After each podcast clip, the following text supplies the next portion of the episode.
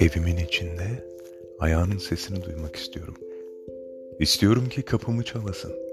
Sana kendi elimle açayım kapıyı. Fakat kunduralarını taşlıkta çıkar kuzum çamurluysalar.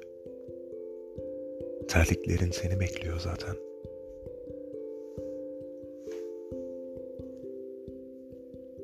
Sana kendi elimle yemek pişirmek istiyorum.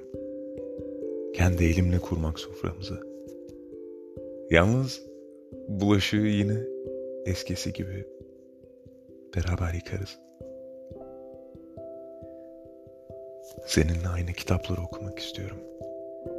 Elbet yine anlatırsın bana anlamadığım yer olursa.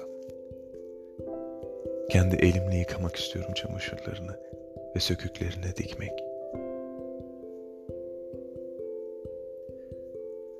Ve istiyorum ki kendi elimle alayım tozunu yazı masanın.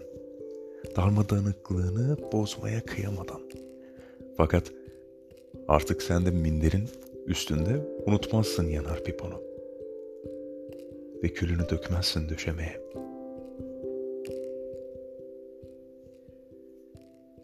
Çalıştığın yerde seninle yan yana çalışmak istiyorum.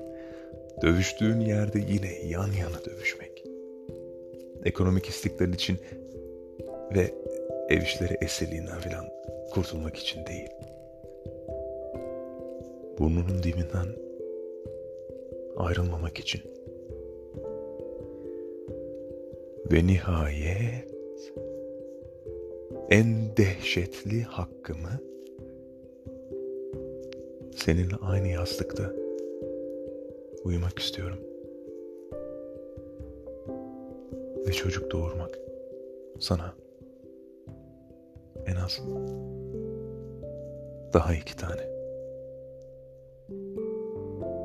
Nazım Hikmet.